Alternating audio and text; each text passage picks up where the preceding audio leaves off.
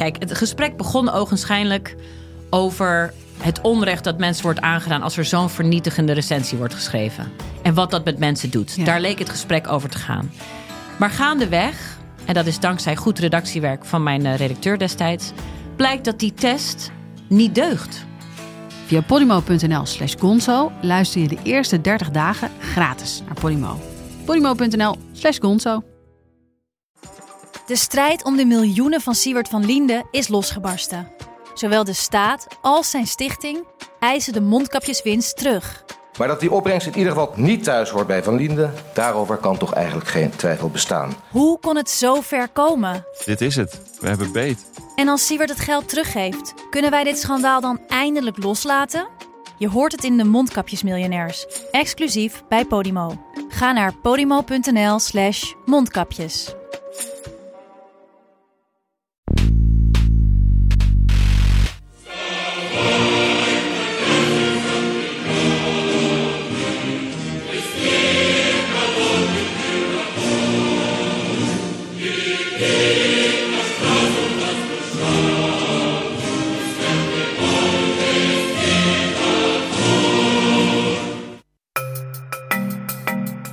Dit is Betrouwbare Bronnen met Jaap Jansen.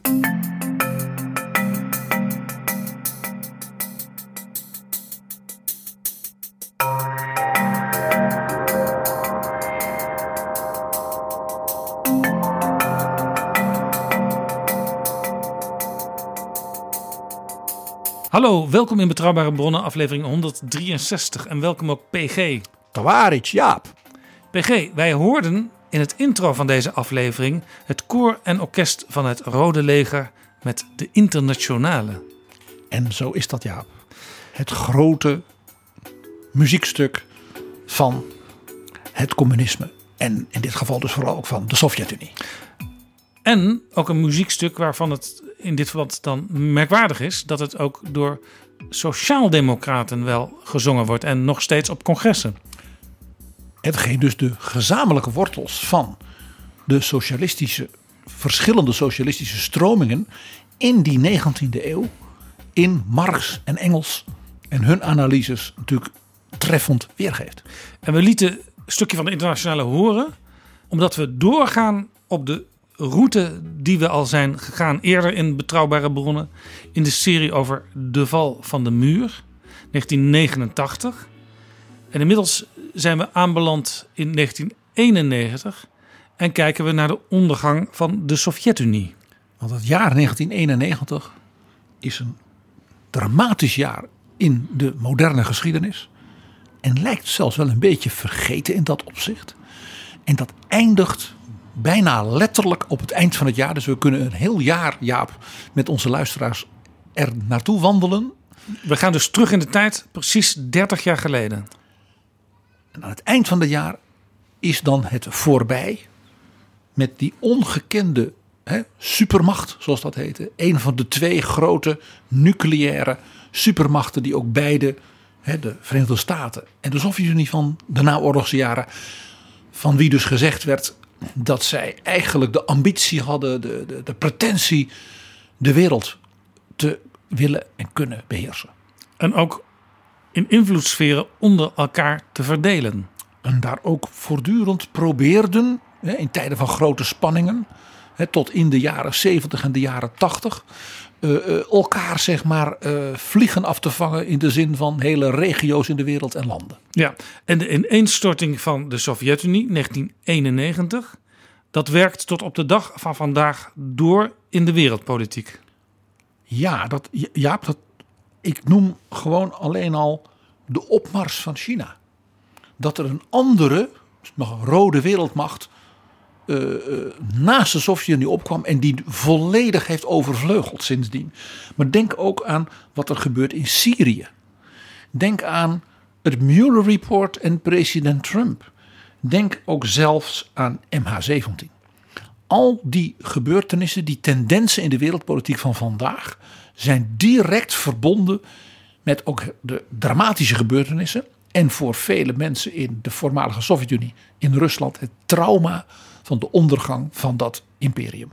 En dat trauma van de ondergang van het Sovjet-imperium, dat wordt belichaamd in president Volodya Vladimir Poetin.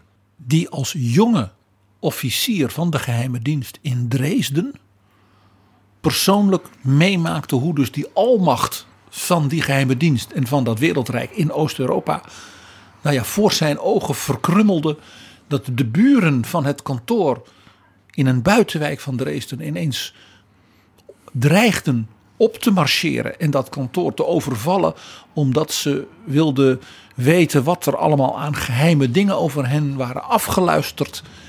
En dat trauma van die volledige instorting en het daarna weer proberen op te bouwen van wat we dan nu Rusland noemen, eh, eh, ja, is als het ware het centrale, het centrale belevenis voor Poetin. En in ons gesprek bij zeg maar, de start van betrouwbare bronnen met de grote Ruslandkenner en Applebaum bracht zij dat ook heel bijzonder onder woorden.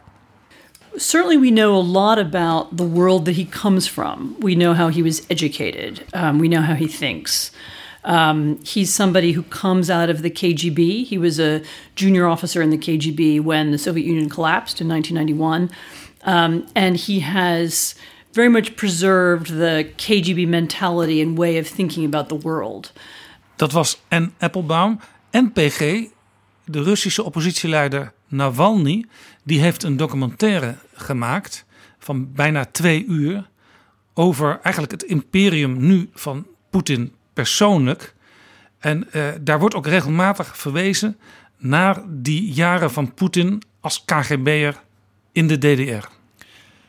En in die film van Navalny zit voor een historicus die iets heeft met Rusland en de Russische geschiedenis en de Russische cultuur zo ontzettend veel aan aanknopingspunten. Jaap, je weet, ik heb al tegen jou geroepen deze dagen. Dat paleis van Poetin op de Krim, daar kunnen we een hele aflevering van Betrouwbare Bronnen aan wijden. Aan de historische en culturele wortels en de, zeg de zeggingskracht van dat verschijnsel van zo'n paleis op de Krim. We zullen in de loop van dit jaar zelfs met onze luisteraars op bezoek gaan naar een van die paleizen op de Krim. Op een van de meest dramatische momenten van die ondergang van de Sovjet-Unie. Maar nu terug naar 1991 en wat daaraan vooraf ging. Jaap Jansen en Pieter Gerrit Kroeger duiken in de politieke geschiedenis. PG. We bevinden ons in de Sovjet-Unie in 1991. En het is een supermacht, beschikt net als de Verenigde Staten over een gigantisch nucleair, eh, nucleaire capaciteit.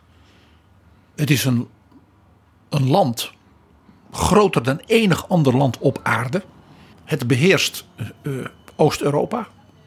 Het beheerst grote delen van wat we nu de zijderoute en dergelijke noemen. Het is natuurlijk Siberië. Reusachtig. En het implodeert volstrekt. Het beeld van de Sovjet-Unie nu, 30 jaar later, is dan ook een beeld dat door die tijd, zeg maar door die laatste jaren, natuurlijk wordt bepaald. Het beeld zoals ik het zelf ook heb aangetroffen. Want ik heb op de valreep van de Sovjet-Unie dat land, dat imperium, twee keer bezocht. En dat was de tijd. Waar was jij? Ik ben geweest in, in Moskou, in eh, Leningrad en ook in Kazachstan.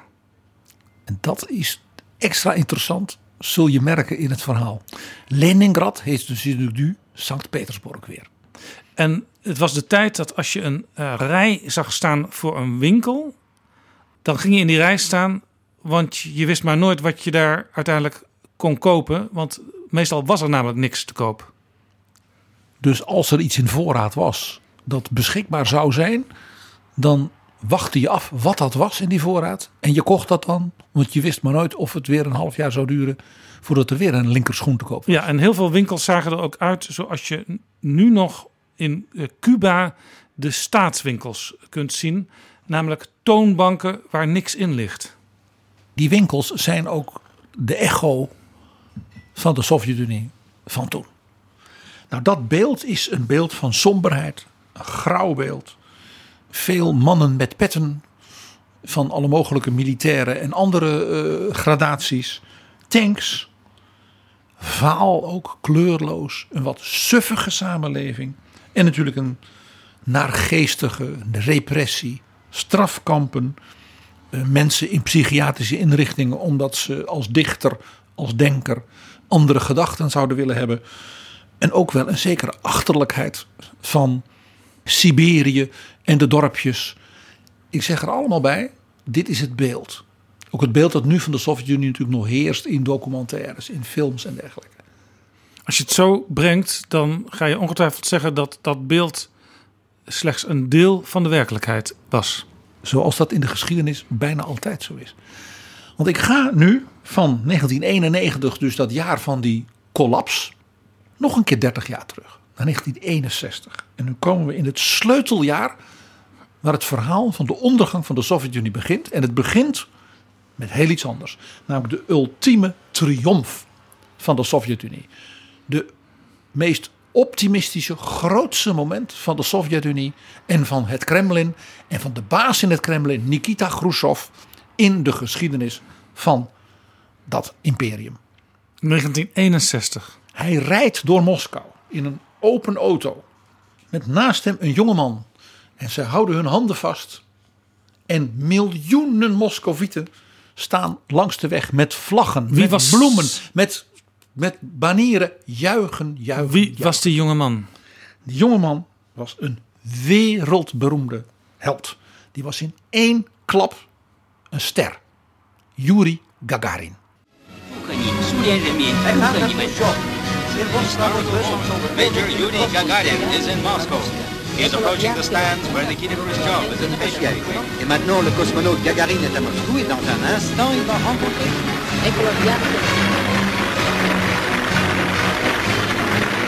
In het Westen noemen we zo iemand astronaut, maar daar heette die cosmonaut. De eerste. Dus het woord cosmonaut werd bedacht voor Yuri Gagarin. Dus hij was een verkenner van de kosmos, van het heelal. Hij was de eerste mens die dus in een capsule het heelal ingeschoten was. Om de aarde was gevlogen, dus niet alleen maar een klein sprongetje gemaakt, er omheen gedraaid was en veilig geland in dat Kazachstan waar jij later op bezoek was. Dus met andere woorden, de Sovjet-Unie was eigenlijk dicht bij eh, het begin van de oplossing van het wereldraadsel. De Sovjet-Unie was de nummer één als het ging in, zou ik maar zeggen, de durf, high-tech, het nieuwste van het nieuwste. De mens die als het ware voorbij de aarde zijn lot ging vinden. De veroveraar van het heelal. En dat past natuurlijk helemaal bij de zeg maar, ideologische droom van Lenin, van Stalin. De, door de wetenschap van Marx en Engels bewezen revolutionaire gedachte. Die wel moest leiden tot de eindoverwinning van het communisme. En als je twijfelde aan het communisme, en dat deed in het Westen bijna iedereen, dan dacht je op dat moment, nou, ze kunnen toch wel iets. De Sovjet-Unie toonde zich hiermee als het land van de dynamiek. Dat dus economisch, technologisch ja, voor revoluties kon zorgen. Dat natuurlijk door zijn enorme rijkdom aan delfstoffen, aan mensen. Ja, natuurlijk op weg was naar de wereldheerschappij. Om te beginnen al in het heelal. Nou, de hele wereld was ook echt onder de indruk. In alle bioscoopjournaals. Yuri Gagarin, Yuri Gagarin, Yuri Gagarin. Eh, hij, ja, het was, het was eh, hoe zal ik het zeggen? Eh, het was verbijsterend voor de hele wereld. Zeker natuurlijk voor het Westen. Dat zichzelf als superieur zag. Als het ging om economie en welvaart en technologie. En het was, ja, Gagarin was jong. Hij was slim. Hij was ongelooflijk dapper natuurlijk ook Uh, hij was een symbool van de jeugd. Eigenlijk van wat je later de soixante-huitard zou noemen in het Westen. He, mei 68. De jonge mensen van na de oorlog die durfden, die niet bang waren, die nieuwe dingen maakten, die een nieuwe wereld aan het veroveren waren. Самочувствие отличное. Готов выполнить любое новое задание нашей партии и правительства. Майор Гагарин. Hij stond op de omslag van Time in Amerika, in Life in Amerika, in alle bladen in het Westen. een omslag. En het waren ook propagandafoto's. Hij zag er op zijn meest voordelig uit. En de beelden van uh, Khrushchev, die dan Gagarin ontvangt op het vliegveld van Moskou, voordat ze dan de stad inrijden. Dan komt hij dus met een militair vliegtuig aan. hebben ze een hele lange rode loper op dat vliegveld. En hij loopt daar, hij salueert. En loopt dus naar het politbureau dat daar op een, op een tribune stond. Loopt die trap op. En dat is een bijna ontroerend beeld als je bedenkt hoe dat was. Khrushchev, die heel klein was, die omhelst Gagarin en zoent hem. Nou, alsof het de verloren zoon is die na 25 jaar weer terugvindt. Je ziet Khrushchev stralen. Dit was voor hem het ultieme bewijs natuurlijk ook dat zijn leiderschap een succes was. En toen moesten ze dus nog met die auto door die stad op het Rode Plein boven het graf van Lenin hebben ze samen het miljoenen publiek toegezwaaid. 1961 en dat was meteen dus ook het, het ultieme hoogtepunt uit de geschiedenis van de Sovjet-Unie. En zeker dus van de Sovjet-Unie na de Tweede Wereldoorlog. En na die verschrikkingen van ja, volkerenmoord en oorlog en ellende en plundering. De Sovjet-Unie was dus meer dan helemaal terug. Het was number one. In elk geval in space. At a ceremony in the Kremlin, Gagarin is awarded the title of Hero of the Soviet Union. He is congratulated by party and government leaders and Marshal Malinovsky. Hail to the first cosmonaut who has opened the way to the infinite spaces of the universe.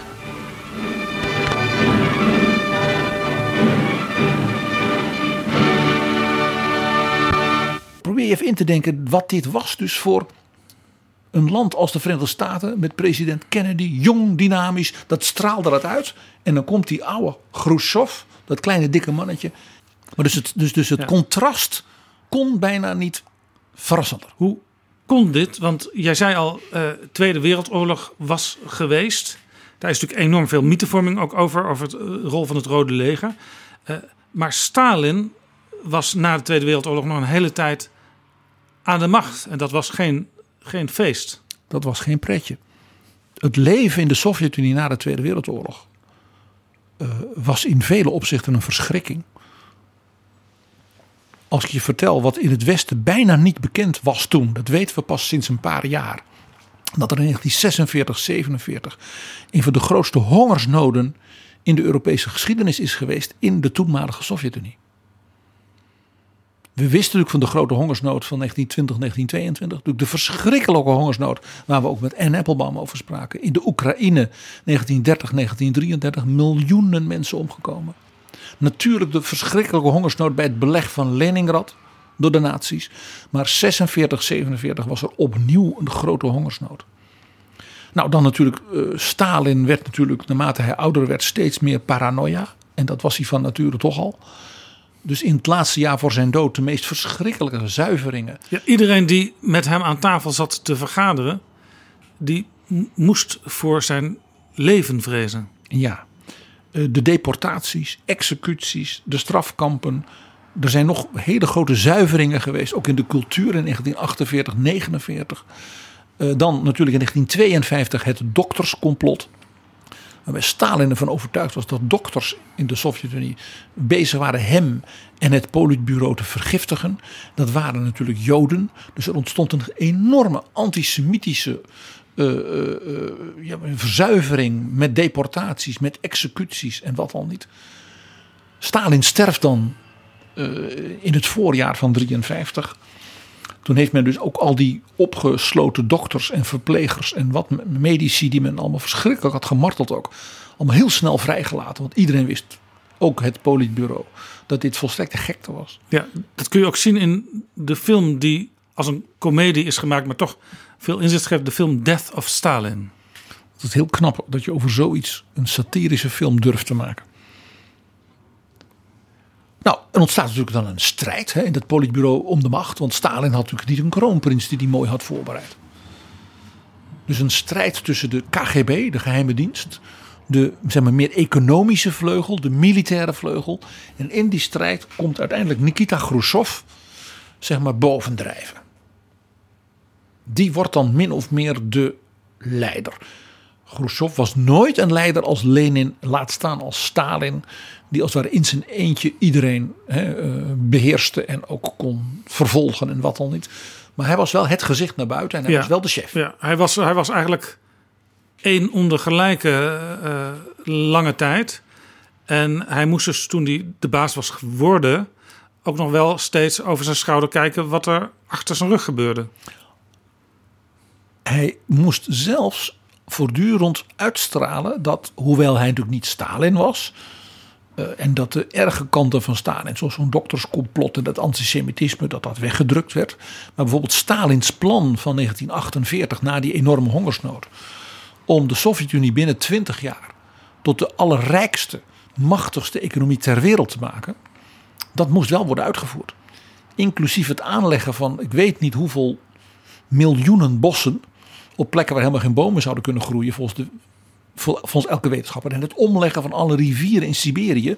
dat ze dus naar het zuiden zouden gaan in plaats van het noorden, naar de IJszee. Zodat dan die woestijnen van Oezbekistan en Kazachstan. dat daar dus dan van alles zou gaan Hij bloeien. ging daarmee door omdat je niet te veel tegelijk kon veranderen. Omdat het idee was dat dat natuurlijk een geniaal concept was. En dat de wetenschap, daar zijn we weer. Het marxisme was natuurlijk een wetenschappelijke theorie. De wetenschap bewees dat dit kon. Dat dit natuurlijk leidde tot opnieuw eh, eh, tot, tot hongersnood.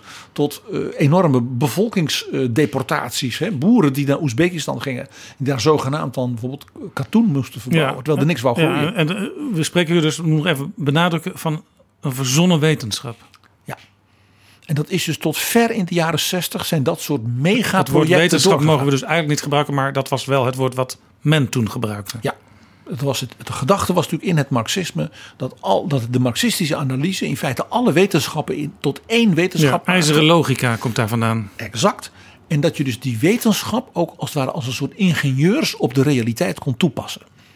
De beroemde eh, formule van de, eh, van de Sovjet-Unie was dat de propaganda, onderwijs en de cultuur, dat waren ingenieurs van de ziel. Dus je kon de menselijke ziel als een machine, als het ware, verbeteren en waar dat nodig was, aanpassen. En die manier van denken zat dus in het Stalinisme, natuurlijk in extreme zin, volkomen gewelddadig. En ook Khrushchev kon daar dus niet van loskomen. Niettemin eh zijn de jaren 50, eh, dat begrijp je na de dood van Stalin, natuurlijk onzeker hè, met een nieuw leiderschap. Eh, ook gewelddadig. Dat is misschien hier in het Westen niet iedereen helder. Maar zowel in Polen als in Hongarije, als natuurlijk in 1953 in de DDR in Oost-Berlijn, zijn er dus militaire interventies geweest met vele doden. Maar Khrushchev deed nog iets. Die wou ook afscheid kunnen nemen van de meest, mag ik het zeggen, extremistische, krankzinnige aspecten van het bewind van Stalin. Zeker van zijn laatste jaren. En heeft in 56, toen hij dus definitief zeg maar de chef was, een geheime toespraak gehouden tot het partijcongres. En dat was echt geheim. Dus wie werden toegelaten, die moesten als het ware in een zaal zitten. Die werd helemaal afgesloten. En toen heeft hij een stuk voorgelezen. Dat was besproken ook in het Centraal Comité en het Politbureau. Een onthulling van ja, de misdaden van Stalin. Met natuurlijk de lastige analyse dat Stalin dus, hoewel een groot leider en de opvolger van Lenin en daarmee dus legitiem was hè, in, de, in de theorie, dat hij natuurlijk toch ja, een misdadiger was geweest.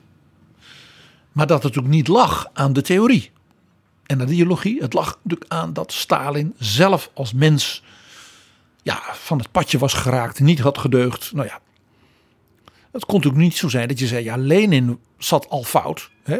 De marxistische analyse produceert iemand als Stalin. Stalin moest een afwijking zijn. Ja. Die toespraak was natuurlijk zeer geheim.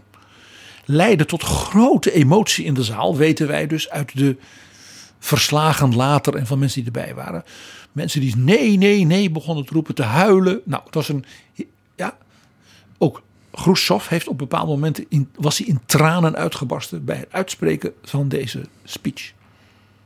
Want het was natuurlijk toch een, ja, een, een, een, een afschrijven van de man die hen allemaal groot had gemaakt. En die toch ook als redder ja, van de Sovjet-Unie tegen eh, Hitler en zijn legers werd gezien.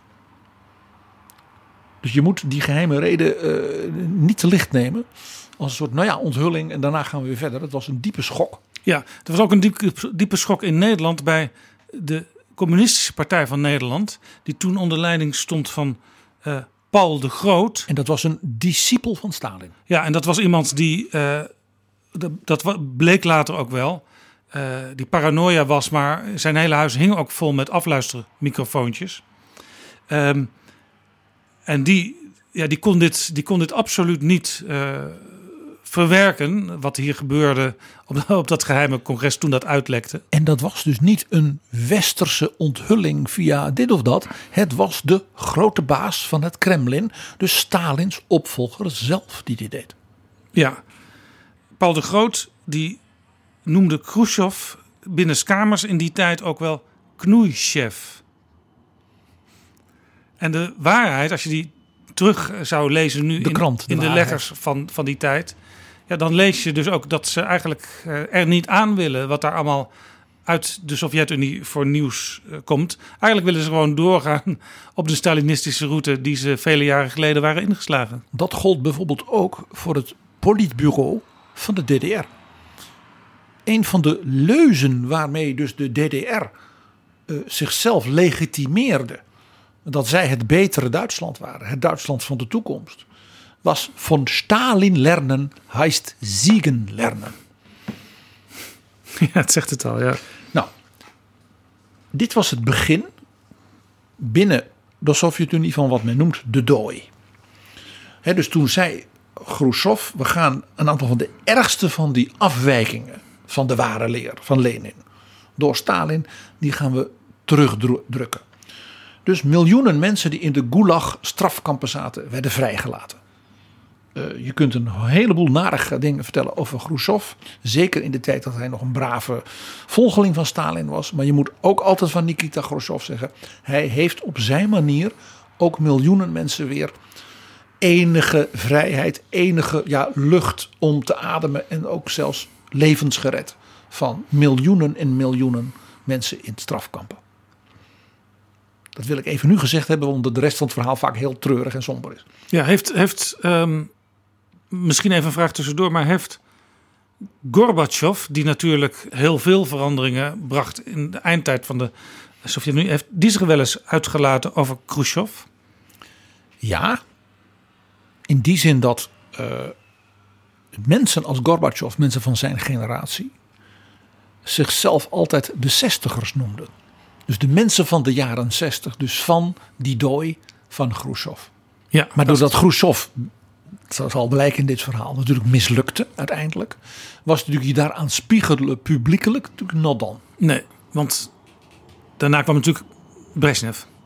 En dat, dat, dat komt nog, ja. Nou, dus de, de ergste repressies, gruwelen van Stalin worden teruggedraaid. Het eerste signaal dat er echt iets ging gebeuren was natuurlijk het jaar voor die geheime toespraak. Adenauer is in Moskou en weet van Khrushchev en zijn toenmalige collega in het politbureau Bulganin de laatste krijgsgevangen Duitse soldaten van Hitler vrij te krijgen uit Siberië. Dat was dus een signaal dat men dus die, dat soort repressie, dat soort wraak, dat soort gruwelen, zelfs naar de oude vijand bereid was om los te laten. Ja. Die dooi, waar dus dat bezoek van Adenauer als het ware de eerste zwaluw, zal ik maar zeggen, van die zomer was. Die zorgde ervoor dat kunstenaars, denkers het gevoel kregen: we kunnen weer ietsje meer doen. Dus er kwamen ook schrijvers die met boeken kwamen, essays, romans, ook over die gruwelen. Boris Pasternak met Dr. Chivago. Natuurlijk de eerste essays en romans van Alexander Solzhenitsyn. Een dag in het leven van Ivan Denisovich. Ja. En die dag is de dag dat hij in de gulag aan het werk gezet. Dus glasnost, wat Gorbachev later proclameerde, eh, dat kwam eigenlijk spontaan tot uiting toen al. Openheid. Iets van glasnost, ja.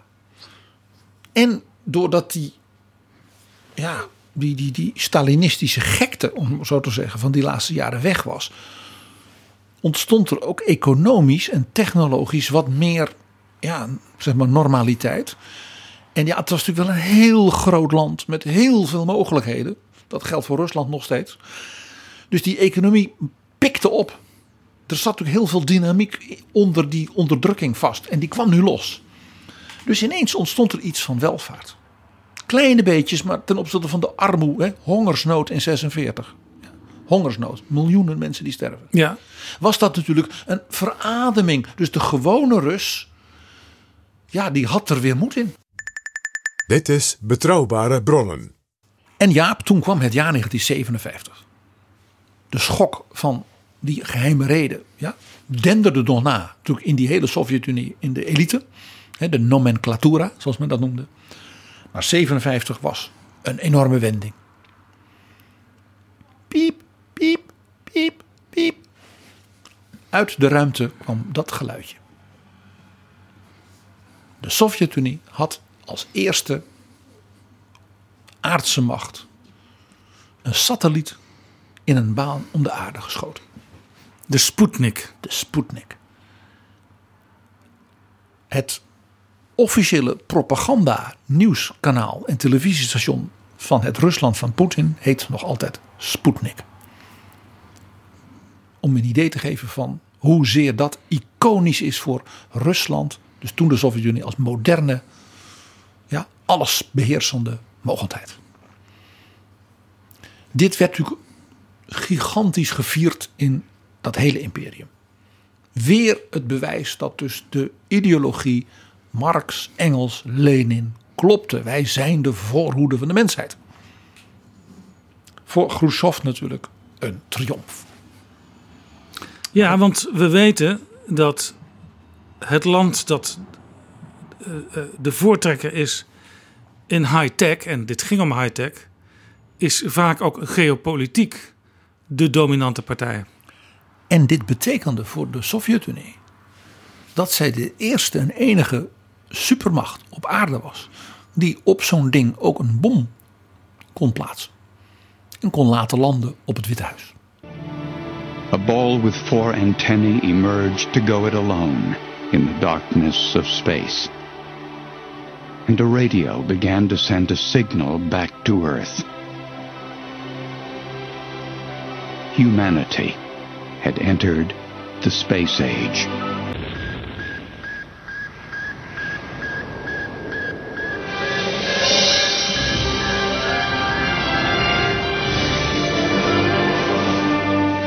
Die leidde in Amerika onder president Eisenhower tot de Sputnik scare, zoals dat zo mooi heette. En toen werd besloten dat men tientallen miljarden ging investeren in, wij zouden zeggen, beta-technische vakken op school, ingenieurs, de NASA. Al die dingen zijn een antwoord geweest op Sputnik.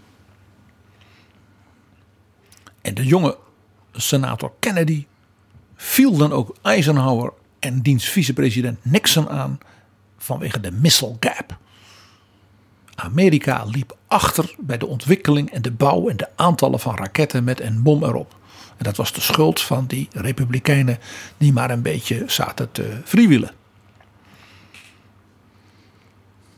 De Sovjet-Unie als superieure mogelijkheid. High-tech, briljant, het nieuwste van het nieuwste. En dit vier jaar na de dood van Stalin. Ja, kritiek dus van, van Kennedy op Eisenhower en Nixon. Maar Nixon ging er zelf kijken hè, in Moskou als vicepresident. Want die dooi leidde ook tot het begin van wat wij later détente gingen noemen. Khrushchev Ontspanning. Wist, ja, Khrushchev wist natuurlijk donders goed.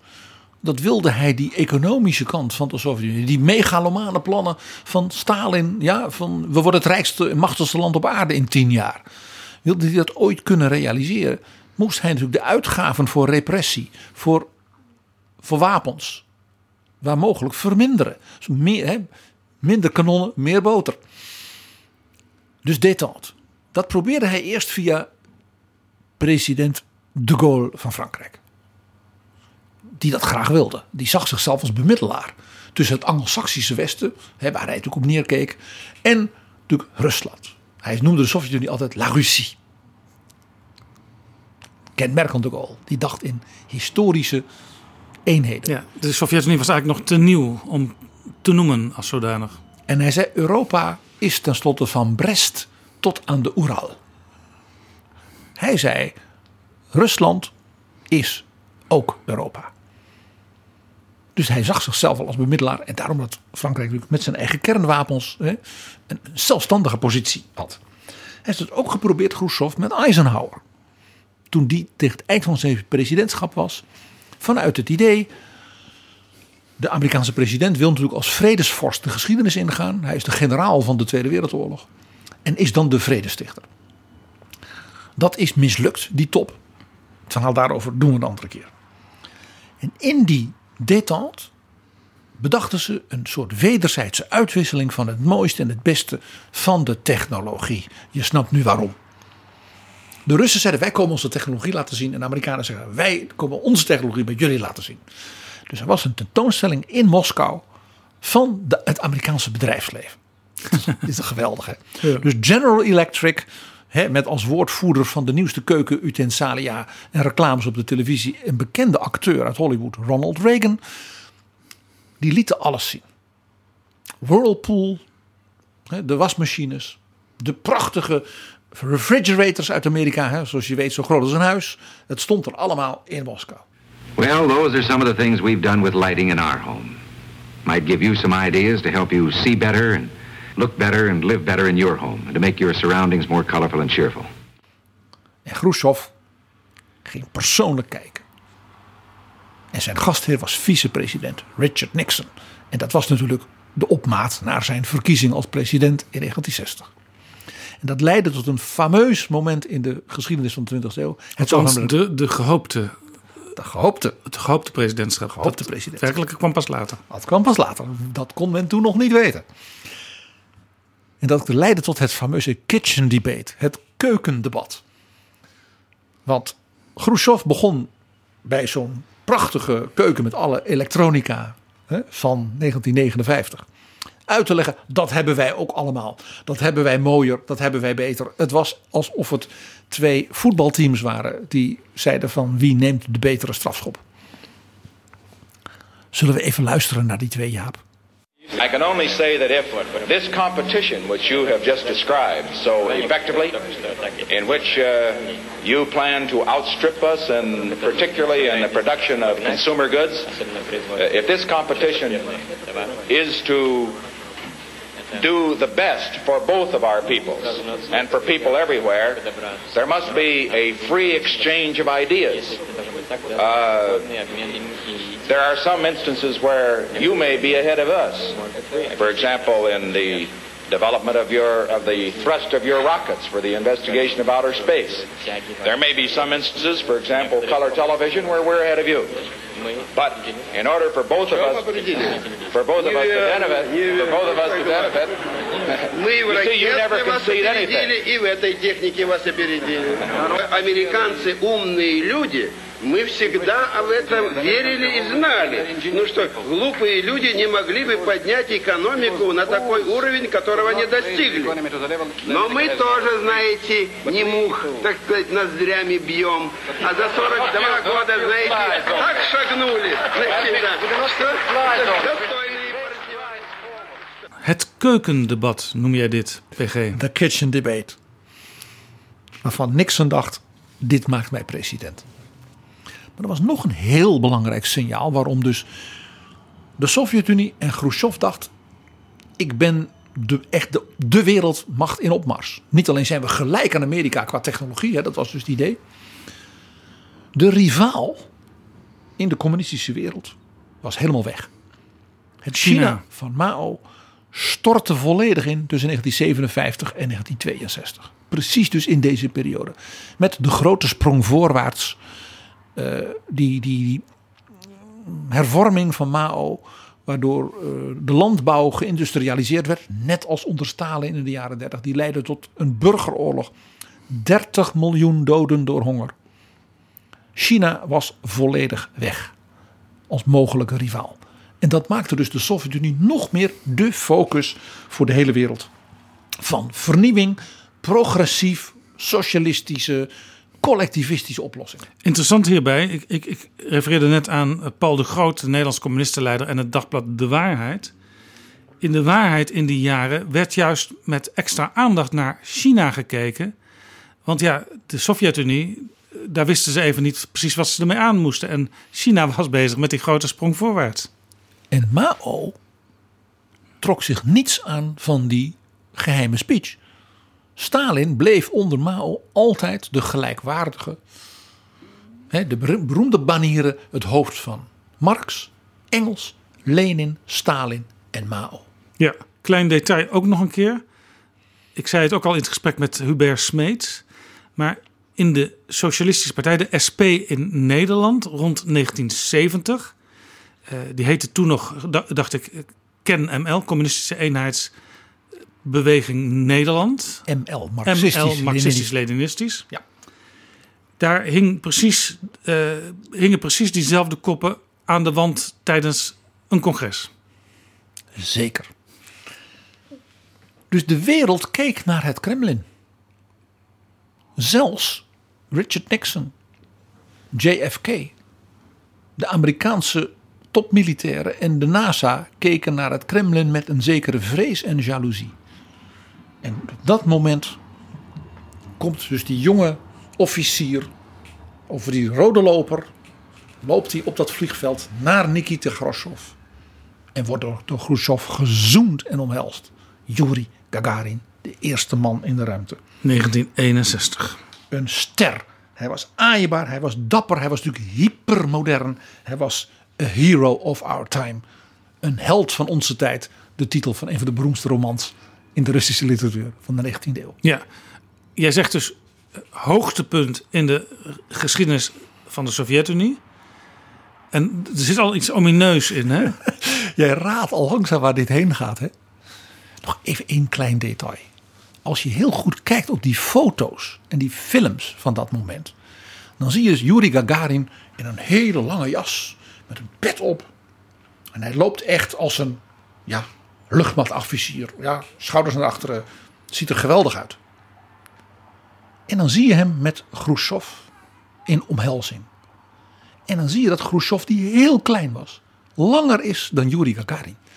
Yuri Gagarin was maar 1,57 meter. En dat moest omdat die capsule die ze de ruimte in konden schieten, was, moest heel klein zijn. Die mocht niet te veel wegen. Want anders dan ging het niet goed.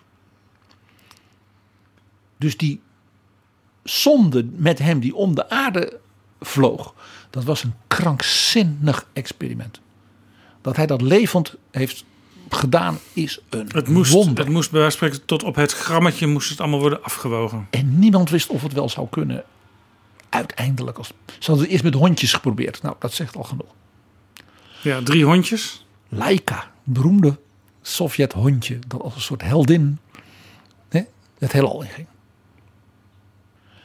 Zullen we heel even luisteren naar Yuri Gagarin terwijl hij door het heelal vliegt? Кетр, я заря один, зажигание. Понял, дается зажигание. Предварительное. Желаю вам доброго полета.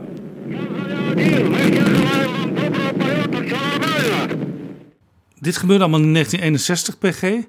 En je, had al gestipuleerd, dit is eigenlijk het ultieme hoogtepunt geweest van de Sovjet-Unie. En het jaar van de wending. Dat klinkt omineus. Ja. Yuri Gagarin in het voorjaar. 13 augustus 1961, de bouw van de Berlijnse muur. De Berlijnse muur, waarvan we nu weten, maar dat hadden mensen toen ook al wel een beetje door.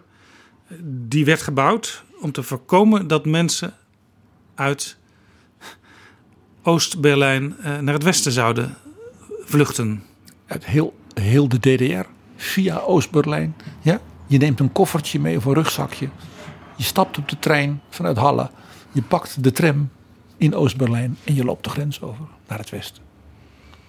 Dus al die enthousiaste mensen over Gagarin en, en de, de technische vooruitgang, eh, die waren nog niet 100% enthousiast over het systeem. De realiteit was dat er ook letterlijk dus vluchtbewegingen waren. Als je weg kon, ging je weg. En in grote delen van het imperium kon dat niet. He, daar was de KGB oppermachtig. He, de verschrikkelijke repressie in de Baltische landen, in de Caucasus, in Oekraïne. Maar hier was net dat kleine stukje westen midden in de DDR. Dat gaatje. En dat oppermachtige systeem met die fantastische technologische voorsprong, avant-garde. Khrushchev zei tegen Nixon: Wij zullen u in tien jaar begraven. Dan zijn wij u voorbij. Kijk maar naar onze ruimtevaart. Kijk maar naar onze welvaart. Wij hebben technologie en welvaart voor de massa en voor u is het alleen maar voor de rijken. In tien jaar is het voorbij. Dat was dus uit dat plan van Stalin in 48. Dat bleef dus leidend. En de gewone man in de DDR, die dacht, nou, tien jaar, zo lang kan ik niet wachten. en geloven doe ik het ook niet echt. Dus de DDR liep leeg. En hoe beter geschoold, hoe meer die mensen natuurlijk weggingen. Want die zagen dat West-Duitsland in opkomst van Adenauer. Ja, en ze zagen ook... Wirtschaftswunder. Ja, en uh, de DDR was natuurlijk uh, antifascistische uh, volksdemocratie. maar ze zagen ook dat in West-Duitsland en ook in de Verenigde Staten en in andere landen al heel snel weer mensen die misschien niet al te mooie dingen hadden gedaan tijdens het naziregime, omdat ze gewoon hun werk deden natuurlijk ja, in opdracht van, dat die toch vrij snel ook weer hun werk konden doen in de democratie. Nou, het belangrijk was toch wel dat er gewoon te eten was. En dat je kon lezen en zeggen en geloven wat je wilde. De DDR was natuurlijk een verschrikking. Laten we dat vooral niet uh, onderschatten. En het was het meest geavanceerde deel van dat hele Oostblok. De topindustrie, uh, wetenschap van de DDR. En juist daar gingen de mensen en masse weg. Zo massaal dat alleen het afsluiten fysiek met prikkeldraad ja, van dat laatste gaatje kon verhinderen dat de zaak helemaal instortte.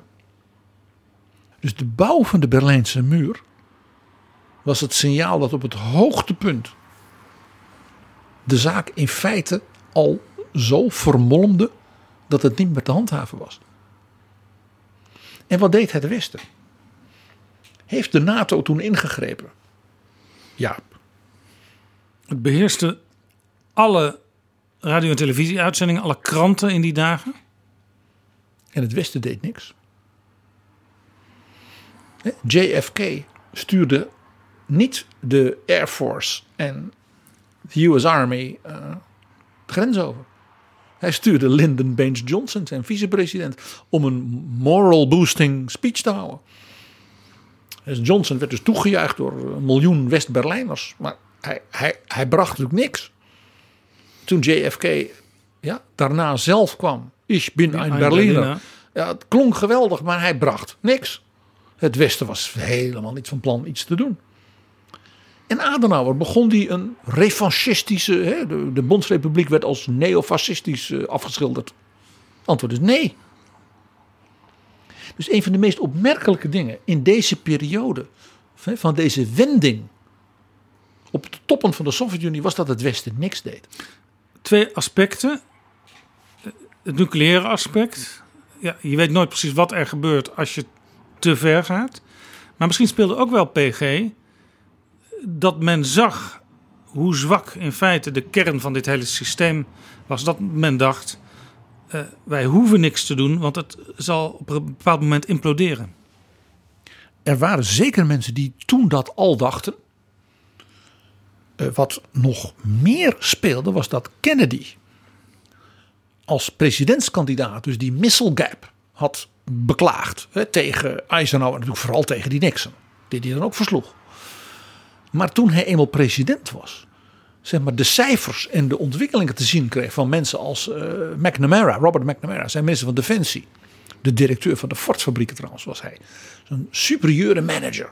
En die ging al die cijfers eens langs die hij had. Via de geheime dienst. En, en die zei maar, die Sovjet-Unie is helemaal... Ja, die Sputnik, dat is mooi. Die Gagarin, dat is fantastisch. En het is geweldig dat die leven teruggekomen is. Maar het stelt helemaal niks voor. Gewoon op basis van de coole cijfers. Ze hebben helemaal niet zoveel van die raketten. En die raketten zijn helemaal niet sterk genoeg om een bom op te doen en dan op, op, op, het, op het Witte Huis te laten landen. Onze raketten, ja, we zijn wat later begonnen, maar ze zijn nu al tien keer beter en we hebben er honderd keer meer. Dus Kennedy wist dat Khrushchev blufte. Een jaar na de bouw van de Berlijnse muur, waarbij Kennedy in feite cynisch zei: Ik doe gewoon helemaal niks. En die Adenauer is oud en heeft een Bundesweer, maar die kan ook niks zonder mij. We doen gewoon niks. Een jaar daarna kwam de Cuba-crisis. Dat was wel andere koek voor de Amerikanen, want dat was, dat was voor de deur. Raketten van de Sovjet-Unie op het eiland Cuba. Je kon bij helder weer vanuit Key West kon je zwaaien naar Cuba zien liggen. Ja. Maar ook weer even heel cynisch in het licht van wat ik net zei. Wat heeft Kennedy gedaan? Niks. Een quarantaine van schepen zodat die schepen van de Sovjet-Unie terug moesten varen naar Leningrad en Odessa. Met de spullen voor de mannen op Cuba. En uiteindelijk, na wat gedeal met Bobby Kennedy, hebben de Rus, heeft, heeft Khrushchev gezegd: Nou ja, trek ze wel terug. En dan zei Bobby: Dan halen wij wel wat dingen ergens in Turkije weg. Dus de lijn van Kennedy en van het Westen was zowel in Berlijn als bij Cuba de-escalatie vanuit het besef, als het puntje bepaaltje komt, is Khrushchev aan het bluffen. Dus als we niks doen, versterken wij daarmee onze positie. En dat was natuurlijk dramatisch voor Khrushchev. En leidde dus ook tot zijn val. Hij is in 1964 door het politbureau namelijk uh, bruut afgezet. Ze hebben hem met pensioen gestuurd. Het bijzondere is, dat moet gezegd worden, dat hij het heeft overleefd.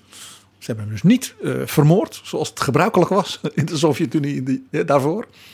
En hij heeft zelfs nog zijn memoires kunnen schrijven. En toen kwam de man die wij, tenminste die ik mij uh, geboren in de jaren zestig altijd herinner als ja, een beetje uh, slaperige opa, Brezhnev. Leonid Brezhnev. Die werd de nieuwe leider. Eerst, net als na de dood van uh, Stalin, een soort driemanschap, wat nog niet helemaal was wie de baas was. Je had president Podgorny, je had premier Alexei Kosygin en secretaris-generaal Leonid Brezhnev. Alle drie brave Stalinisten, zo omhoog gekomen als jonge kerels in de nomenclatura. En het heel opvallend was, zij brachten het Stalinisme voor een deel terug. Die Khrushchev was te impulsief. Die had, als er dan weer een dichter was die een mooi ding voorlas, dan had hij tranen in zijn ogen. Dan mocht hij zomaar allemaal dingen publiceren waarin hij vertelde wat er hem was overkomen in de Gulag. We moeten weer even de zaak op orde krijgen in de Sovjet-Unie. Wij zijn tenslotte een wereldmacht. We hebben de ruimtevaart, we hebben onze raketten, we hebben onze bommen. Uh, dat in Cuba, dat was natuurlijk een blunder. Had hij natuurlijk nooit mogen doen tegen die Amerikanen. Dus de zaak werd weer eens even geredresseerd. Dus je kreeg een neo-Stalinistische aanpak, zoals dat werd genoemd. En Brezhnev deed nog iets.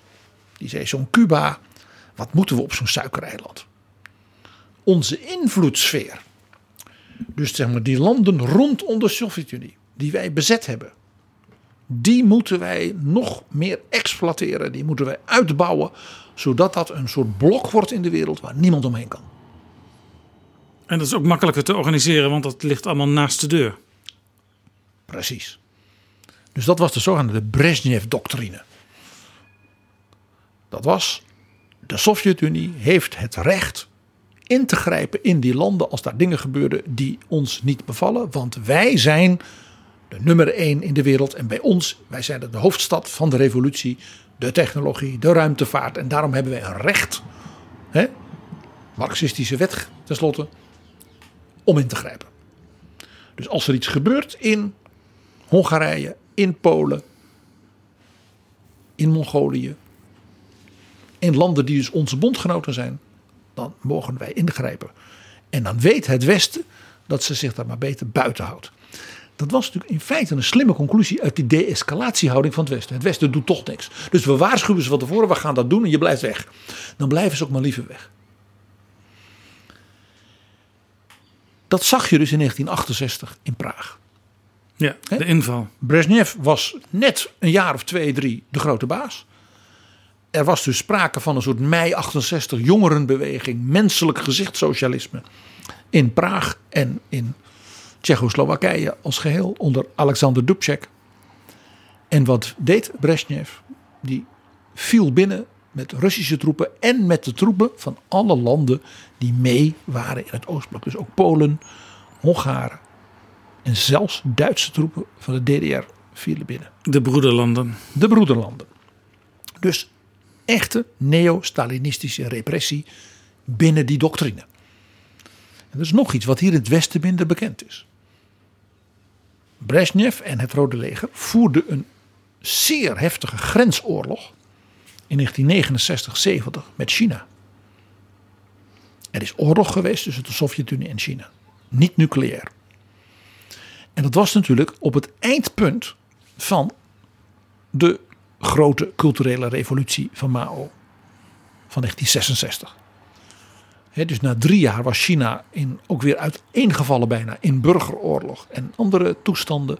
En op dat moment heeft dus de Sovjet-Unie gedacht: we kunnen nu militair ingrijpen langs de grens. Dus even kijken hoe, misschien stort dat Mao China dan wel in. En dan zijn wij weer nog meer de nummer één in de communistische wereld. Dat is dus niet gebeurd. Het feit dat Brezhnev daar hè, toe over wilde gaan, gaf aan dat dat een zeer ook expansionistische, agressieve uh, politiek was. Ja, overigens had als China, communistische China echt was ingestort, had dat natuurlijk wel weer het gevaar opgeleverd dat er uh, aan een andere grens met de Sovjet-Unie uh, ook meer gevaar te duchten was in de nabije toekomst. Het was een uitermate riskante strategie, dat kun je wel zeggen, ja. In zekere zin misschien wel riskanter dan wat Khrushchev in Cuba deed. En veel minder bekend. Ja. Nou, tegelijkertijd dacht hij, we moeten naar het westen toe. Uh, een andere politiek. Dus wat Brezhnev deed, was een dubbele politiek tegelijkertijd. Naar, zeg maar, de andere supermacht. De Verenigde Staten, detente. Waarom gaan we niet samen dealen als gelijken? Dat was natuurlijk het punt. Hij wou zeggen: nooit meer Cuba, dat we moeten zwichten, dat het bluff is wat we doen. Gelijken. Dus de Sovjet-Unie ging enorm bouwen aan die ruimteraketten. Hè? En dat begon al onder Lyndon Baines Johnson.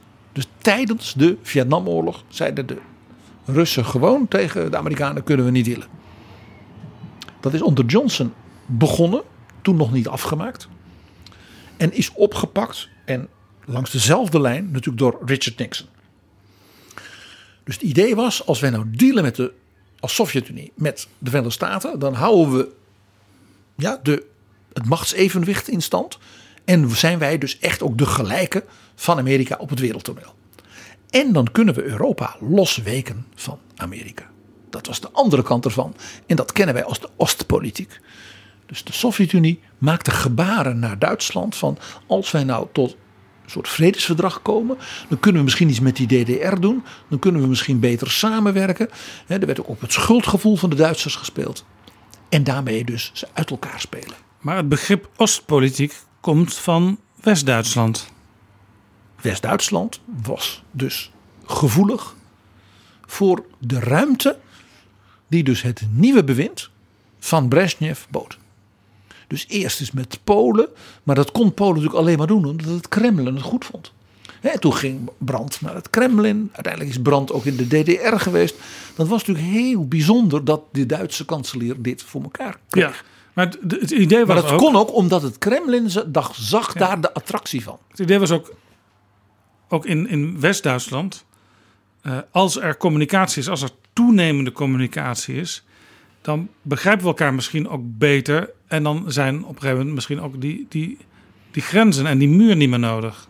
in elk geval kunnen we dan iets betekenen voor mensen in de DDR, voor gevangenen. Dan kunnen we de repressie helpen verminderen. Wandel door annäherung. En Zoals Egon Baar, de, zeg maar, de denker achter Willy Brandt dat noemde. Verandering door toenadering. En niet vergeten, in die tijd speelde natuurlijk ook de nucleaire dreiging, eh, doomsday-gedachte, eh, een hele grote rol. En het idee was, als je nou gaat ontspannen, dan vermindert die dreiging misschien ook wel. Dat was natuurlijk wat de Sovjet-Unie tegen de Amerikanen zei. Van kijk, wij zijn een wereldmacht. Wij bouwen en we gaan jullie inhalen. Tenzij we bijvoorbeeld een plafond kunnen afspreken. Nou ja, dat was precies ook wat in de tijd van de kruisraketten speelde. Eh, toen werd er gezegd vanuit het Westen: de, de, de Sovjet-Unie is aan het uitbreiden, het aantal nucleaire koppen. Wij moeten ook wel. En in de pogingen om daar eh, misschien een compromis te sluiten, werden ook gewoon op een gegeven moment getallen genoemd. Als jullie nou daaronder blijven, dan hoeven wij niet, et cetera.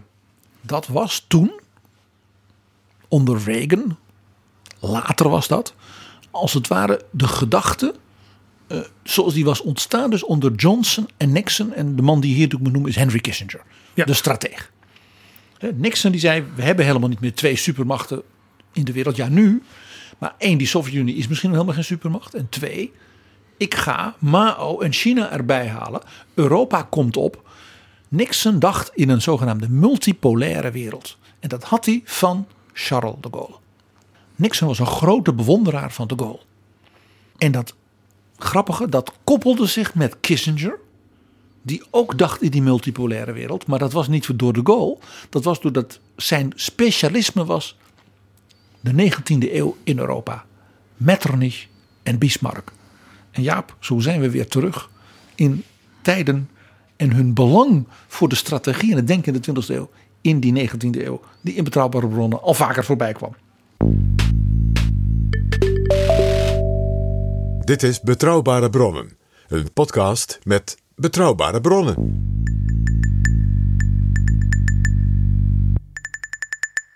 En er was natuurlijk nog iets in de Brezhnev-tijd. Ondanks die repressie ontstond er door de dooi van Khrushchev dat gevoel van we blijven het proberen. De zogenaamde dissidenten, hè, ook veel Joodse dissidenten, die zeiden we willen naar Israël kunnen verhuizen. Eh, kunstenaars, geleerden en natuurlijk in het bijzonder Alexander Solzhenitsyn als de grote eh, schrijver, een beetje het icoon van de Russische cultuur tegen het communisme. Brezhnev probeerde ze te onderdrukken, ja, van alles, maar het lukte uiteindelijk niet. En wat je dus ziet is dat in die Brezhnev-tijd er, jij zei al, het was een beetje oude man, zoals jij je het herinnerde. Inderdaad, na een jaar of zes, zeven, acht begon dus dat regime te verlammen. Die voorsprong in de technologie lukte niet meer. Men bleef zitten. Hè, men, men was als het ware stil gaan staan. De Amerikanen kwamen als eerste op de maan. De Russen hebben het niet eens geprobeerd. De Russen hebben een kopie gemaakt via spionage van de Space Shuttle. Die heeft één keer gevlogen. En toen heeft hij het nooit meer gedaan. De Boeran, zoals die heette. De Sovjet-Unie, ja, verlamde in de, nou zeg maar, begin jaren 70 in toenemende mate met dus het verlammen ook van het regime en het feit dat eh, Leonid Brezhnev ook zijn gezondheid uh, steeds meer achteruit ging en dat natuurlijk ontkend moest worden. Ja, dus misschien achteraf gezien die Khrushchev, dat, dat vonden ze maar een rare uh, snoes aan in het politbureau, dus ze hebben hem afgezet. Maar misschien met al zijn experimentele aanpakken was hij in zijn tijd deed hij het nog niet eens zo gek. Nee, en, en hij was natuurlijk heel impulsief. Dat was wat men hem altijd kwalijk nam. Want daarna kwam er stilstand in feite. Ja, eerst nog een tijdje uh, veel stoere. Hè, dat eigenlijk die bluff werd voortgezet. En ja, toen, ja, toen verlamde het. Dat werd eigenlijk het meest duidelijk. Dus toen Nixon in 72 bij Mao op bezoek ging. Dat was natuurlijk het moment dat Nixon die multipolaire wereld. Ja, met meer dan twee supermachten die tegen elkaar kon uitspelen kon doen. En jij snapt natuurlijk nu nog beter waarom Mao na die destructie van die culturele revolutie van hemzelf En die oorlog aan de grens ja, met de Sovjet-Unie zo bereid was om zich in de armen van Nixon en Kissinger te storten. Het maakte Mao ineens weer de nummer drie in de wereld op een soort gelijke hoogte met Moskou. Ja, dus in deze zin ook wel logisch dat de Amerikanen die banden eerst met, met Moskou en toen eh, met, met Peking aanhaalden. Divide et impera. Zij, zij wisten, uh, wij zijn de sterkste, uh, maar zo kunnen we toch invloed uitoefenen en inderdaad de boel een beetje tegen elkaar uitspelen. En wat ook speelde, het jaar 1973 werd door Nixon en Kissinger de, de Year of Europe genoemd. Want die zeiden, we hebben nu met de Sovjet-Unie zaken gedaan. We hebben nu Mao erbij gehaald. En nu gaan we Europa centraal stellen. Want Europa heeft zich uit die Tweede Wereldoorlog, de wederopbouw, gered. Die EU is er, de EEG. Je ziet die economie bloeien. En zelfs uh, het Verenigd Koninkrijk werd lid van de EEG. Exact. Dus dat Europa wordt misschien wel de volgende grote polaire mogendheid. Ja, in de zin van een economisch machtig blok naast Amerika, de Sovjet-Unie en China. Kijk, economisch was natuurlijk de EEG toen al vele malen groter en machtiger, sterker dan de Sovjet-Unie. Dus je ziet dat de strategie van de Sovjet-Unie na de bouw van de muur, de val van Khrushchev en het verlammen van het regime steeds meer in een soort doodlopende straat terecht kwam. En toen kwam ook nog China ineens op het tapijt, letterlijk en figuurlijk. Dus je zou denken, nou die ondergang die is dan nabij. En toen gebeurde er iets wat niet iedereen hier in het Westen heeft gezien. De Sovjet-Unie kreeg de jackpot van de loterij van de wereldeconomie. Hè, wat dan? De Sovjet-Unie profiteerde als geen ander van de Yom Kippur-oorlog en de olieboycott. En het enorm verdubbelen en meer dan verdubbelen van de olieprijzen door de Arabische sheiks. Ja. Om landen als Nederland te straffen voor hun hulp voor Israël. Ze profiteerden van het feit dat er een oliekartel bestond. En dat die prijzen dus explodeerden. Net als Nederland als gasexporteur ook hè, spottend een geheim lid van de OPEC werd genoemd. De Sovjet-Unie was namelijk met hulp van met name de West-Duitse technologie, ingenieurs, uh, ja, bedrijven. Nou, je weet, die zijn natuurlijk fantastisch, hè, die zijn goed. En die zijn dus door die Oostpolitiek, ja, konden die eens op die Russische markt. En die bouwden al die pijpleidingen van Siberië naar Europa. Interessant, want dat is in 2021 nog steeds de manier voor Rusland om enigszins inkomsten te hebben. De olie-export, de gasexport. Zoals ik aan het begin al zei. Alles wat te maken heeft met dus die trends en die ontwikkelingen naar de ondergang van de Sovjet-Unie, die zijn tot in de dag van vandaag nog actueel en helpen ons dingen begrijpen wat er nu gaande is. En het zegt nog iets. Dat dus het Rusland van Poetin in economisch opzicht op de wereldmarkt niets is veranderd, verbeterd ten opzichte van het Rusland van Brezhnev van 1903-475. Het enige wat ze hebben, waar ze nog geld mee kunnen verdienen, is de export van delfstoffen. Dus een ouderwetse 19e eeuwse economie. Daar kwam nog iets bij. We komen dus nu in die tweede periode, zoals we dat nu zien, van de, de jaren van Brezhnev. Waarbij hij dus fysiek en geestelijk ernstig achteruit ging. Vanaf 1973. 73, 74, 75, die periode. Met dus die merkwaardige kant. Aan de ene kant golfden dus oliemiljarden binnen. En aan de andere kant alles verlamde. Bijvoorbeeld, een van de belangrijkste strategische doelen, het losweken van dus die Europese landen in de NATO en de EEG van de Verenigde Staten in die multipolaire wereld, mislukte. Het beste, meest dramatische moment daarvan, natuurlijk de val van juist kanselier Willy Brandt in Duitsland, zeg maar de kampioen van de Oostpolitiek, doordat de geheime dienst van de DDR, dus de vazal van de Sovjet-Unie, in zijn bureau een spion had zitten die alles doorbriefde. In het bureau van Brandt. Ja. ja. Einde dus van Willy Brandt. Dat was misschien nog een keer een aparte aflevering van Betrouwbare Bronnen waard. Willy Brandt sowieso. Zijn opvolger Helmoet Schmid was ook van de SPD.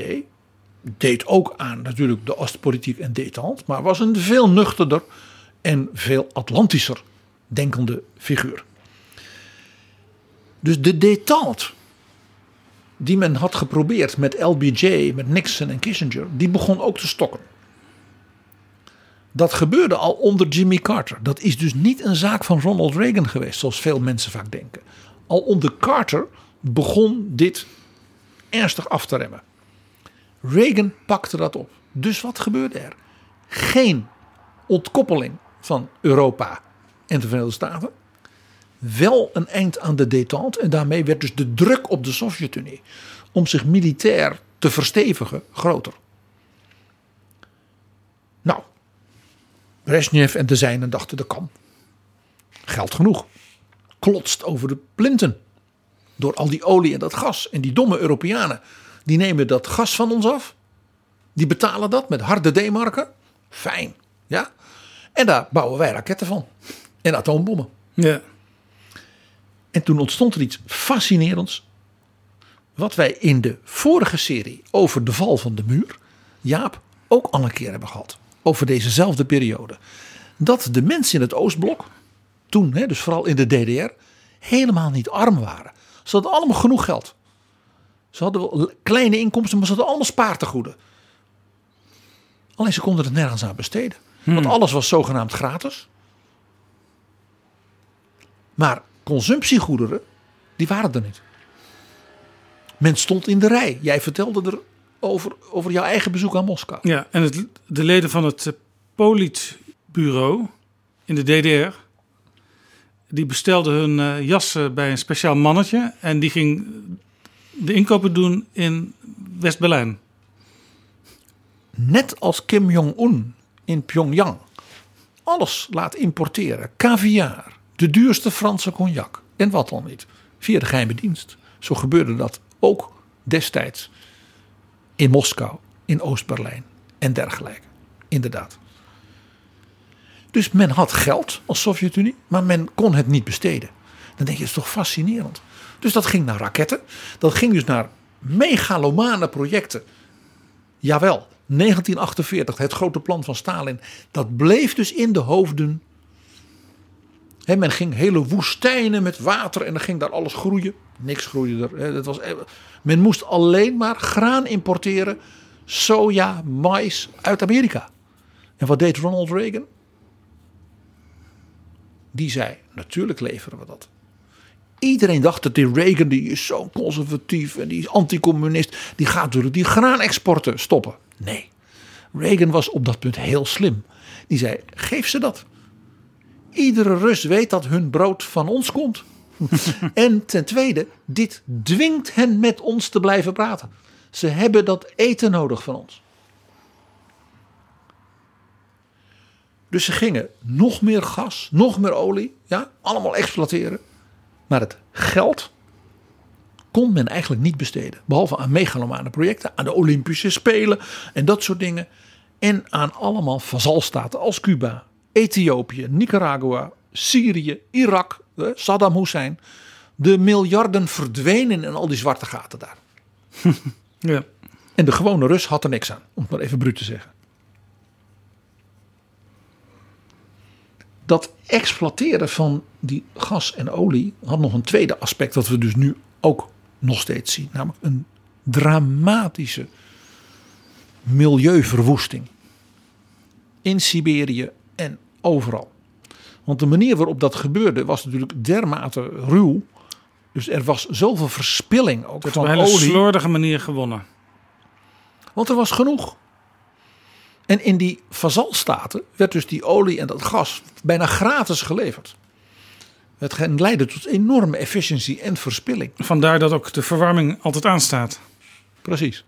Om een voorbeeld te geven, er is een krater in het hartje van Turkmenistan. Dus dat is een van die Aziatische woestijngebieden. Daar was gas en olie en heel veel. Dus ze gingen daar, gingen daar boren. Maar dat werd dus zo slecht, bijvoorbeeld door geologische wetenschappers eerst bekeken van waar zit het en hoe kun je het doen. Nee, boren, pompen. Dat toen ze begonnen bleek er een gasbel vlak onder de oppervlakte te zitten. Dus dat hele gebied toen ze begonnen te boren stortte in. Dus dat is een enorme krater. Die is er vandaag nog. Dat is de Darwaza-krater. En dat is nu een soort toeristisch object. Ze hadden gewoon niet goed gemeten hoe de situatie net onder de grond was. Net onder de oppervlakte. Dus die krater begon te branden natuurlijk door dat boren. En dat was dus in feite een soort gasstel dat daar aan stond. Van honderden meters groot. En die Darwaza-krater brandt nu 50 jaar. Die brandt nog steeds? Ja. Midden in de woestijn. En daar kun je als toerist dan met een bus nu heen. Je moet geloof ik iets van zes uur erheen. Een vriend van mij heeft dat een aantal jaren geleden gedaan. En hij heeft me toevallig vorige week foto's laten zien. Het is adembenemend mooi. Hij zegt het is een van de mooiste natuurverschijnselen die ik heb gezien. Maar hij zei eh, tegen mij, PG, jij kent natuurlijk het verhaal daarover in de geschiedenis. Ik zeg, je moest dus weten, we gaan het in betrouwbare bronnen toevallig de komende week opnemen. De Darwaza-krater in Turkmenistan is een soort symbool. Dus van ook de tragiek van de Sovjet-Unie in dus die late Brezhnev-jaren. Nou, ik zei al, de late Brezhnev-jaren. Die verlamming werd natuurlijk steeds erger. Dat krijg je in zo'n situatie. Er kwam een serie mislukte oogsten. Herkennen we dus ook weer uit de Stalin-tijd en zelfs de jaren 20 en 30. Uh, het wegzakken van de Sovjet-Unie als zeg maar, technologische, economische mogendheid.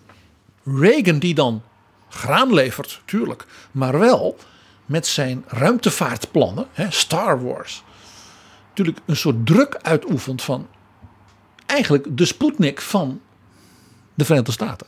Ja, de potentie van Reagan was: uh, wij gaan elke aanval vanuit uh, het communisme, elke, elke militaire aanval door de, door de, door de, door de atmosfeer.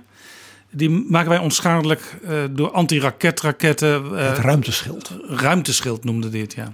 Met, met, met laserwapens.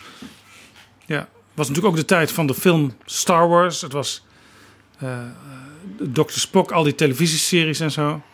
Het had een hoog Hollywood gehaald.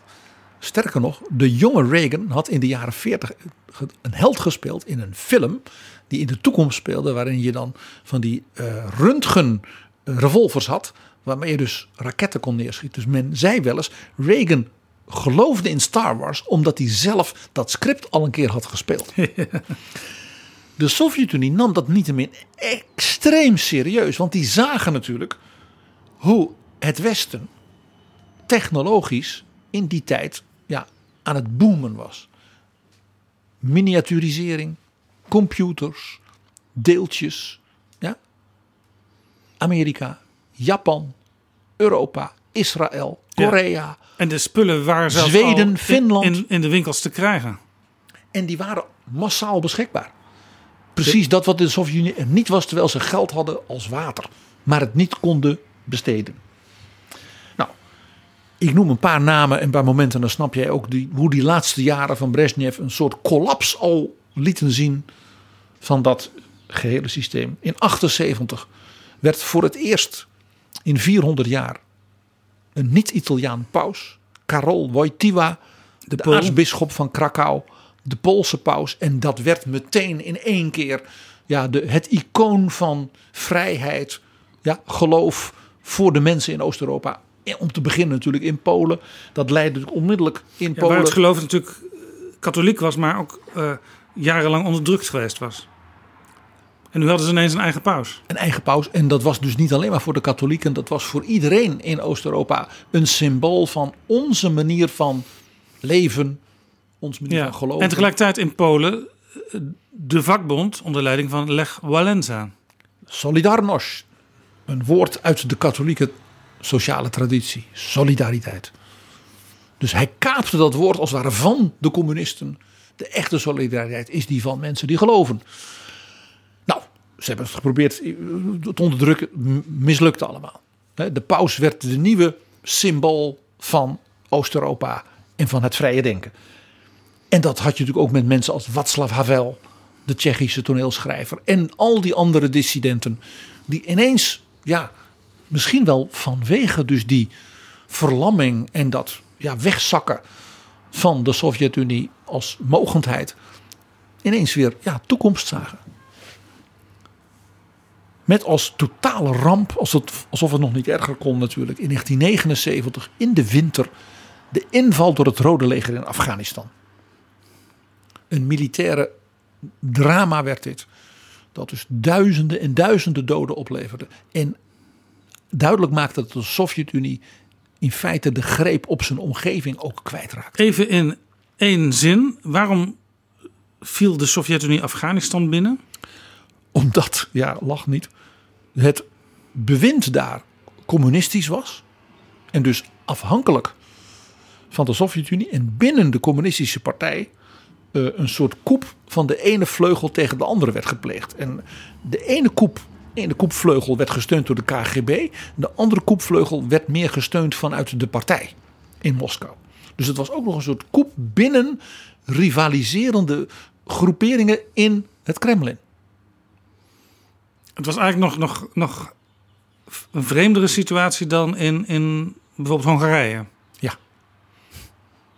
En het leidde ertoe dat dus eerst president Carter, daarna president Reagan de islamitische eh, rebellen tegen steunen. het communistische regime gingen steunen, die wij kennen als de Mujahedin. Ja, waar we later heel veel profijt, maar niet heus van hadden. En er werd dus ook met geld uit Amerika, vanuit Saudi-Arabië, werd dus die, werden die islamieten aangemoedigd zich te verzetten tegen het communisme. Bijvoorbeeld door een vastgoedmiljardair als de familie Bin Laden. Ik zei al, de ondergang van de Sovjet-Unie heeft tot de dag van vandaag zijn impact op de wereldgeschiedenis. Er is heel onlangs, Jaap, uit de, zeg maar, de geheime diplomatieke protocollen in Duitsland, eh, van alles ook weer gepubliceerd. En dan is een gesprek genoteerd van de toen net aangetreden bondskanselier Helmut Kohl, 1983. Die vertelde tegen een collega in, wij zouden zeggen nu de EU, namelijk die van Ierland, Gareth Fitzgerald. En Gareth Fitzgerald stond zeer hoog aangeschreven in de Europese christendemocratie. Was iemand die ook bijvoorbeeld probeerde te bemiddelen met mevrouw Thatcher in Europa. Als zeer sympathiek en verstandig gold. Dus dat was iemand waar Kohl graag mee praatte. En Kohl besprak dit, natuurlijk de positie in de wereld en ook de Sovjet-Unie met mensen als Mitterrand, eh, met eh, Reagan, met Bush senior enzovoort. En wij weten nu uit een zeer gedetailleerd gesprek van hem met Gareth Fitzgerald hoe hij daar tegenaan keek in 83. Ik lees voor. Ze kijkt ze die, de Sovjet-Unie is ideologisch helemaal verzwakt. Brezhnev en het Kremlin heeft geen verhaal meer. Wat is nou het perspectief wat zij de wereld hebben te brengen? En nu, nu denk jij natuurlijk, dat was anders toen met Yuri Gagarin. Dat was, wat een perspectief. Wij beheersen het heelal. Hij zegt, dus niks meer. Hij zegt, en daar word ik dus heel optimistisch van, zei Hmm. Kool. Want kijk nou naar de jonge generatie in die Sovjet-Unie. Al die jonge mensen daar. Wat willen die? Die willen wat onze jonge mensen willen. Die willen diezelfde dingen. Die willen kunnen leren, die willen kunnen reizen, die willen nieuwe dingen kunnen ontdekken, die willen muziek, die willen de liefde, die willen welvaart. Die willen al die dingen die dat regime volstrekt niet kan brengen. Zelfs niet de minste vrijheid van denken. Hij zegt dus, de Sovjet-Unie heeft geen spirit en geen wil meer. Geen geist meer. Dus Kool zei, ik word eigenlijk heel optimistisch daardoor. Ik weet niet wat er gaat gebeuren. Maar zo'n wereldmacht die zijn geest kwijt is. Je ziet hem denken aan die nou ja, half eh, demente eh politbureau mensen. Ook in de DDR Het is bijna dat beeld van de intensive care dat je op een gegeven moment de monitor ziet. En dat stipje blijft op hetzelfde niveau hangen. Er zit geen leven meer in. Nog een paar piepjes en dan... Ja. Ja. ja. Hij zei, ja, Gareth, economisch, ja, een groot machtig land en al die olie en gas, zegt hij hier. Ja, ach, zegt Kool. De economie is marode. Die wirtschaft is marode. Marode? Prachtig Duits woord, dat is, dat is een rampenplan. is totaal in verval. Hij zegt, dat maakt dus dat Brezhnev de problemen niet meer kan afkopen. Door te zeggen, nou ik stop daar nog geld, daar nog geld. Dat punt waar we het eerder over hadden. Ze kunnen niet investeren met al dat geld. Want er valt niks te investeren. Het is allemaal in verval. En hij zegt, daar komt bij dat die bevolking in die republieken in Azië, die, ja, Kazachstan, Oezbekistan, de Caucasusvolkeren, die bevolking groeit, die is jong. En ja, die willen ook hun plek. Die willen. En dat kan het Kremlin eigenlijk dus niet meer leveren, economisch niet. En die voelen zich als Russen ook nu bedreigd door die Aziatische en moslimvolkeren. En die Balten. En, hij zegt dus ook die volkeren die van hen onafhankelijk zijn. De Hongaren, de Polen. Die vormen dus een bedreiging nu in plaats van een stukje zekerheid. Hij zegt een bankroet van zo'n regime in deze economie ligt voor de hand op termijn. Al dus Helmut Kohl tegen Gareth Fitzgerald in 1983. Hij zag het. Dit was dus voelbaar voor mensen die daar naar keken. Nou ja, dan heb je inderdaad die laatste jaren. 83, 84, 85. Brezhnev sterft.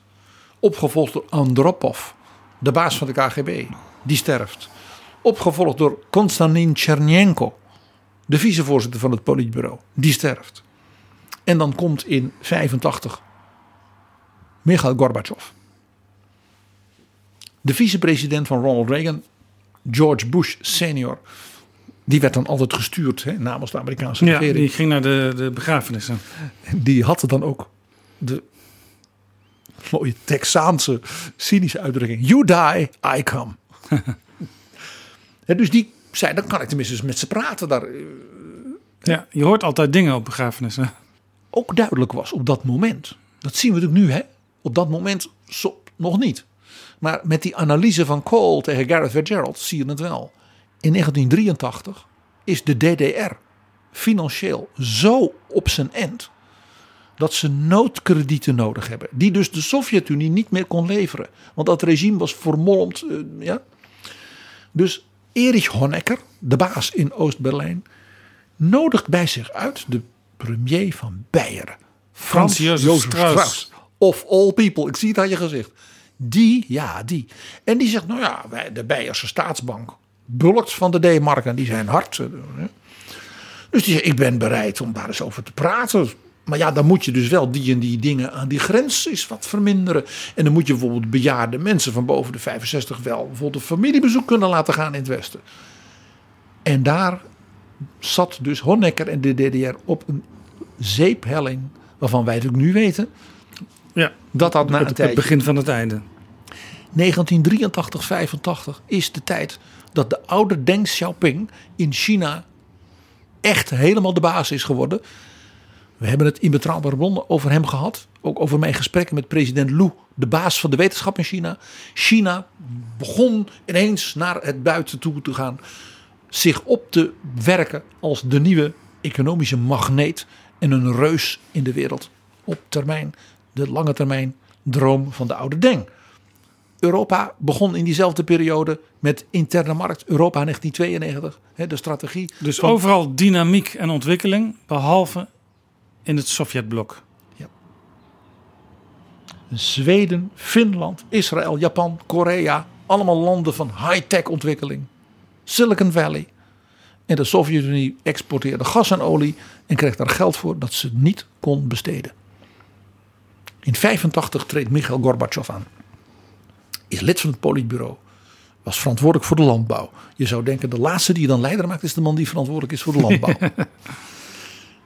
en die vraagt dan een soort ja, stand van zaken van het Centraal Planbureau en het Bureau voor de Statistiek van het Kremlin. En krijgt dan voor het eerst inzicht in de werkelijke economische en ook demografische situatie van de bevolkingsgroei en dat soort dingen. Dus dat de gemiddelde leeftijd van mannen onder de 60 was. Maar Gorbachev zat al in het politbureau, maar hij zag nu pas de werkelijke cijfers bij elkaar. Die hij dus nooit had gezien. En zag dus, we zijn in alle opzichten bankroet. We kunnen dus ook de DDR niet meer tegenhouden bij die Strauss in München. Ik bedoel, hoe vernederend. Ja? Om miljarden te smeken. We kunnen Nicaragua wel beloven dat ze geld krijgen tegen Reagan, maar dat hebben we niet meer. Uh, Kim Il-sung in Noord-Korea, daar moeten we mee stoppen. Dus die ging voor zichzelf verder. Dus dat was natuurlijk het effect dat dus die landen die van de Sovjet-Unie afhankelijk waren, natuurlijk hun eigen conclusies trokken van ja, als ze ons niet meer kunnen helpen financieel, ja, dan moeten we het ergens anders zien te vinden. Er was dus sprake van een implosie vooral. En ja, daarmee zijn we bij die eerste aflevering van die vorige serie, die zomer van 1989. Hè, dat die mensen daar in Estland, Letland en Litouwen 600 kilometer met hun vlaggen hand in hand gingen staan. En zeiden: Wij willen zelf. En dat dus in de DDR het volk in opstand kwam. Dat Havel president werd. De triomf van paus Wojtyła. Dat Polen ja, met Solidarność een democratische katholieke regering kreeg. En de Sovjet-Unie begon aan die laatste fase. Waarvan het jaar 1991, nu precies 30 jaar geleden, letterlijk het einde zou zijn. Dankjewel, PG.